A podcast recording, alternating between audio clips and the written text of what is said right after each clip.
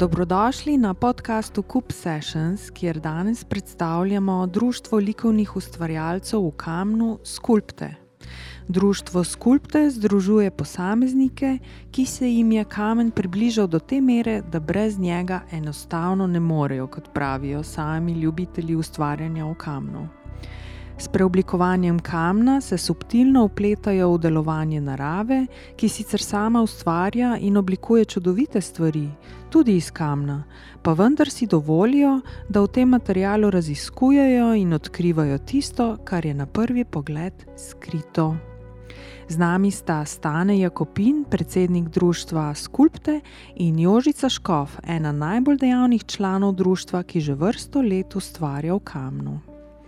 Pozdravljen, Stane Jakopin. Zdravo.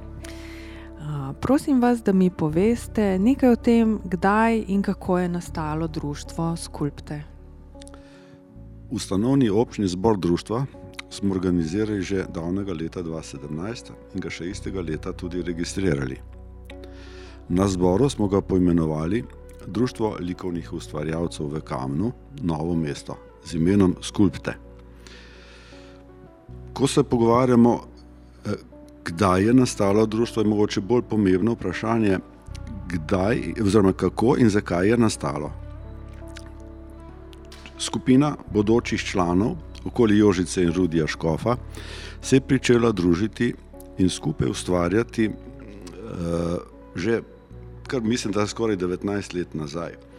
S svojo energijo in entuzijazmom sta povezala ljubitelje slovenskega naravnega kamna, ki so imeli željo in voljo ustvarjati. Kolektivne delavnice so se organizirale v kamnoseški delavnici Kocjan v Zagradu pri Škocjanu. Kot mentor je vstopil kamnoseški mojster Franci, ki nas je upeljal v svet kamna in v prve korake obdelave le tega. Z njim smo spoznavali vrste kamnin, njihov, njihova geološka nastajanja in njihovo uporabnost.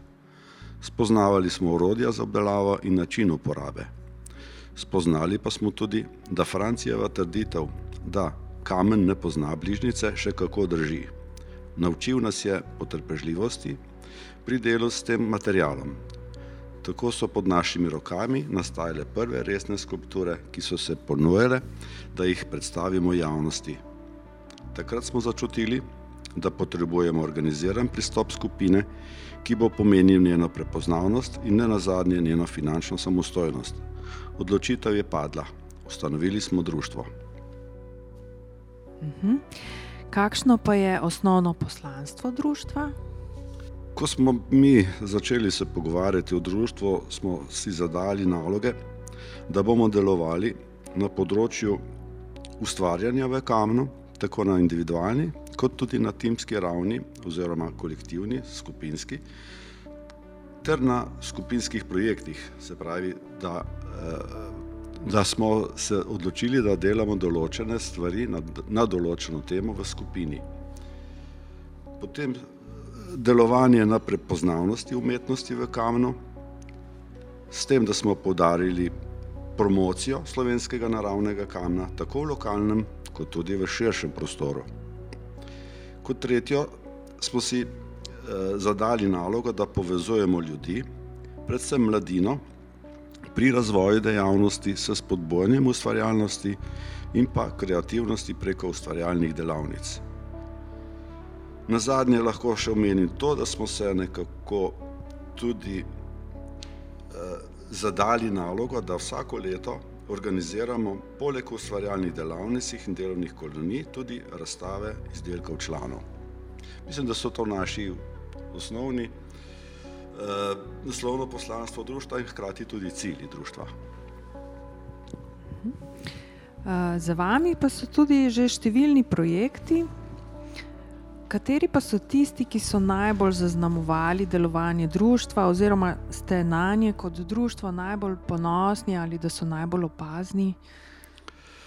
Pravzaprav najprej bi rad povedal ali pa razložil, da smo, eh, da smo si tukaj zastavili dva načina dela. To se pravi, delujemo na skupinskih, tematskih projektih in pa na individualnih tematskih projektih.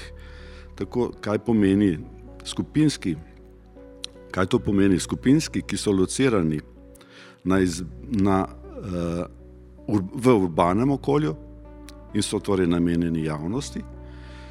Uh, potem pa imamo individualne, kjer pa posamezni člani društva uh, na izbrano temo, tematiko, pripravijo skulpture in te skulpture razstavimo v neki skupinski razstavi.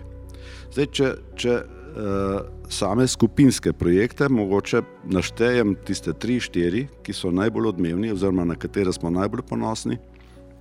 Začeli smo z mizo generacij pred Rdečim križem v Novem mestu, potem v parku mladosti s kamnito mizo, klopmi in podobo primice v Julije v Kamnu.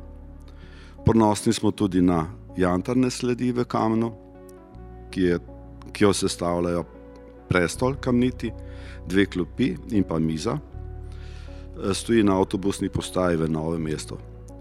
Omenim naj še naš zadnji projekt, to je Povodni mož na Krki, ki je postavljen ob poti v pešpoti v Portugal. Med individualnimi eh, tematskimi, eh, tematskimi eh, razstavami oziroma projekti naj omenim razstave, ki smo jih organizirali. To se pravi, lansko leto je bila na temo vode, to se pravi, sledi vode v kamnu. Potem smo imeli razstavo jantarne sledi v kamnu, potem razstava primice v Juliji, v počastitev primice v Juliji, ljubezen večna kot kamen in pa recimo še dotik športa v kamnu. To so neke naše tisti glavni projekti, ki smo jih poleg številnih drugih, na katere smo najbolj ponosni. Glede na to, da vaše društvo združuje ustvarjalce v kamnu, ki je precej zahtevna tehnika, tako v fizičnem, kot tudi v ustvarjalnem smislu, eh, se morda kot društvo eh, srečujete tudi s kakšnimi težavami v zvezi s tem? Težave so pri vsakem delu, tako v društvu, verjetno kot v vsaki organizirani skupini. Eh, delo, naše delo s kamnom je težavko zaradi prahu in pa veliko odpadnega materijala, ki se pojavlja pri sami obdelavi, vsaj v začetni fazi, eh, delo zahteva neko delovno okolje, delovni prostor, kjer delo ni moteče za okolje. Težko si predstavljam namreč rezanje, brušanje, klesanje kamna na domačem dvorišču. Zato smo delavnice eh, organizirali, oziroma z delavnicami gostujemo pri Kamnoseku, kjer smo zaradi njihovega ali pa njegovega delovnega procesa omejeni več ali manj na sobote. Naš medij za ustvarjanje, kamen, je v fizičnem smislu težak in v začetni fazi obdelave po obliki tudi neugoden oziroma neroden. Tudi z tega vidika smo odvisni od pomoči profesionalnega kamnoseka. Pri svojem delu namreč uporabljamo ali potrebujemo naprimer dvigalo, žago in tako naprej. Druga težava, ki jo zaznavamo, je povprečna starost članov društva, ki je sorazmerno visoka. Naj povem, da je naš najstarejši član zakorakal v 94. leto, najmlajši pa se približujejo 60. Želimo si pomladitve, eh, zato naj to priliko izkoristim in povabim v našo sredo vse interesente, da se nam pridružijo. Z nami je tudi Jožica Škov. Pa bi vas prosila, gospa Jožica, če mi lahko predstavite kamen, kot bi bil oseba. Ja, dober dan. Uh, kamen je nekaj posebnega. Sicer ga večina ljudi ga doživlja kot nekaj starodavnega, trdega, hladnega, težkega, negibnega in anorganskega. Če imamo priložnost kamen pogledati od blizu, se nam odstre cela zgodba davnega časa, saj v plasteh, prelomih, v ključkih in zapolnitvah najdemo številne oblike in barve, opazimo smeri pritiskov, vplive deževnice, raztopljene in novič kristalizirane minerale, zlepljene ruševine drugih kamnin, najdemo sledi kotaljenja, gibanja, gubanja. V pnencih najdemo ostanke školk, polžev, iglic, iglic morskih ježkov, alk, koral, včasih najdemo okostja rib, nekateri apnenci so obarvani črno zaradi organskih ostankov odmrlih živali. Če si ogledamo prerezano kamnito ploskev, pa bomo videli presek skozi davno minulo življenje. Kamen je res trd, vendar se prepusti kiparju in ta iz njega izvabi neverjetno mehkobo. Kamen je res težek, vendar njegova teža vzbuja veliko spoštovanje. Kamen ne mara grobosti, rad ima preudarnost, skrbnost in natančnost. Surovi moči se upira rad ima čas, vztrajnost in potrpežljivost. To nagradi, bodi si z mehkobo oblik ali bleščečo površino, z razrezom pa nam ponudi pogled v notranjost. Kamen nam s poznavanjem in obdelavo lahko veliko tudi da, sam pa potem, ko mu vklešemo dušo, zaživi svoje novo življenje. No, kamen je, kot kaže, izredno, izredno zanimiv material, še posebej z vašim pristopom, ki ga dejansko zelo osebno oblikujete. Me pa zanima, kako ste se pa z njim srečali, kdaj se je vse začelo? Ja, začelo se je pravzaprav pričetki ustvarjanja v kamnu, uh, segajo v leto 2003, uh, ko sva z možem Rudijem na domačem vrtu organizirala prvo likovno kiparsko kolonijo Tretja razsežnost. To srečanje je bilo izjemen dogodek, ki se ga je udeležilo šest kiparjev, pesnik in likovni kritik. Podobni in razširjeni sestavi udeležencev smo pod okriljem Galerije Škov skupaj z mestno občino Novo mesto in nekaterimi ostalimi sponzorji ali sodelavci organizirali še vrsto likovnih kiparskih dogodkov, vse do leta 2017, ko smo ustanovili Društvo Skulpte in z okrepljenim članstvom z ustvarjanjem nadaljevali vse do danes, ko smo ustvarili več tematskih, individualnih in skupinskih projektov. Glede pomena našega ustvarjanja, naj omenim, da je bilo vse to, vse te likovne kolonije, ki smo jih s katerimi smo nadaljevali, so bile zelo lepo sprejete in so nam bile v veliko veselje. Naj omenim, da je v našem okolju kamnite dejavnosti že kar precej, predvsem pa je pohvalno, da se veliko uporablja domač, avtohtoni kamen, sivi apnenec. Kot ustvarjalci v kamnu opažamo tudi da je zanimanje za kamen v našem okolju če zdaj le večje, zelo spodbudno. Tudi posamezniki, ki radi obiskujejo naše razstave, izkazujejo željo po bližjem spoznavanju kamna in priključitvi k naši ustvarjalni skupini. V svoji nedavno izdani biografiji pravite, da ima kamen dušo. Kakšna je duša kamna? Ja, to je zanimiva zgodba. S poglabljanjem skrivnosti kamna ter ljubezen do ustvarjanja v njem kot izraznega materijala je, je z umetniškega vidika sicer precej zahtevna, vendar so nastale umetnine kot dokaz prostora in časa pravzaprav večinoma večne. Mnogo dragocenih podatkov bi se v zgodovini izgubilo v pozabo, če zapisov in podob v kamnu ne bi bilo. Naj omenim, da se v kiparstvu menda izraža v celem svetu le 30% vseh vrst likovnih umetnosti, od tega v kamnu samo borih 10%. Prav zaradi tega smo člani skulpte še bolj zadovoljni, da ustvarjamo prav v tem mediju. In glede duše kamna, kar ste me vprašali pa naj povem kratko zgodbo, ko mi je ob nekem kulturnem dogodku predsednik države Borut Pahor vprašal, ali kamen res tudi joka.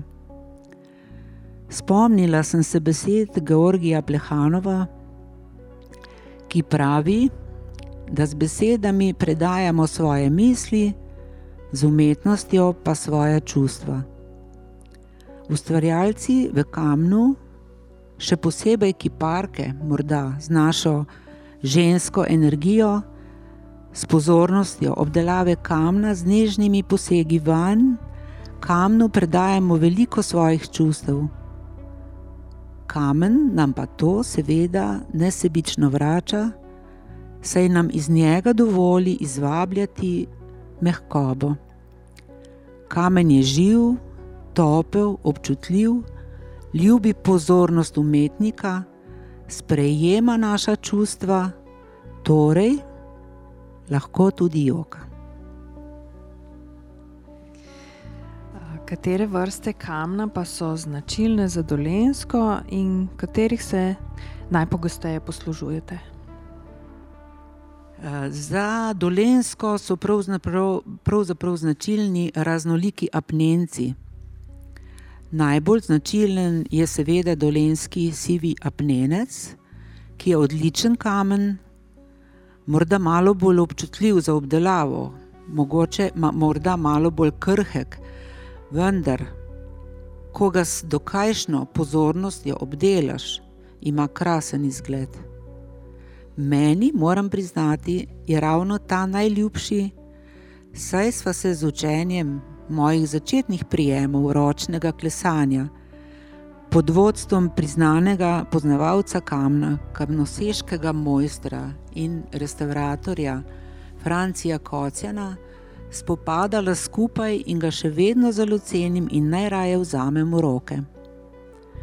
Prav tako kot na Dolenskem je tudi v Beli krajini geološka sestava kamnin zelo pestra in tudi s tem kamnom je zelo lepo delati. Na splošno pa se vsi kipari zauzemamo za uporabo in promocijo domačega, predvsem dolenskega oziroma slovenskega kamna. Gospa Jožica, želela bi vas vprašati še nekaj. Namreč, kako poteka ustvarjanje v kamnu, kakšen je ta ustvarjalni proces? Ja, spadam med tiste vrste ustvarjalcev, ki mi je v življenju izražanje čustev nepogrešljiva potreba in način življenja. Moj deloven in odločen značaj mi je že vsa 30 letja intenzivnega ustvarjanja v veliko oporo, čeprav se včasih postavljajo tudi vprašanja o upravičenosti in smislu lastnega početja. Zanima me ustvarjanje na različnih področjih. Morda je tudi zato moje dolgoletno umetniško izražanje splatna preskočilo na kamen. Kamen je čudovit, skoraj večen, vendar tudi trd in predvsem zahteven in težak material za obdelavo in prenašanje, obračanje in delo z njim. Umetniku nudi posebne izzive. Že pri izbiri kamna, ki ga bo uporabil za realizacijo idejne zamisli. razmislek o začetku ustvarjanja so pri različnih umetnikih različni. Nekdo izbere najprej kamen, ga vzame v roke, se z njim pogovori, poveže z njegovo energijo in kamen mu sam sporoči, če je primeren za izvedbo njegove ideje. Drug način pristopa pa je obraten. Najprej zasnuješ idejni projekt, izdelaš skice ali morda tudi modele, če je potrebno, na to pa se spopadeš z iskanjem primernega kamna, v katerem boš uresničil, uresničil zamišljeni projekt. Ko imaš jasno vizijo glede ideje in materijala, in če te izbran kamen sprejme za svojega partnerja, kar včasih traja kar nekaj časa, preneseš te skice na kamen. Obdelave kamna se lotiš glede na idejno zasnovo ročno ali s kakšnim električnim, brusilnim ali drugim pripomočkom. Najprej se kamen obdela v grobem, na to pa o pridobivanju končne forme in podobe stopnjuješ s finostjo obdelave, ki je sicer večplastna, od grobih obdelav do sijaja. Pomembno je, da z vsakim udarcem kamnu odzameš košček teže in dodaš ščepec mehkobe. Končnega izdelka iz kamna se ne gleda samo kot sliko, ampak se ga lahko tudi fizično dotakne, saj roka največkrat kar sama spouzi preko površine in ga otipa tako najbolje začutiš to veličino energije, ki nam jo kamen podarja. Letos, kot že vrsto let zapored, boste v galeriji Kocka pripravili skupinsko razstavo Društva Skulpte, letos na temo vina. Pa bi vas prosila, če mi morda nekaj več poveste o tej razstavi, ki bo na ogled 15. novembra.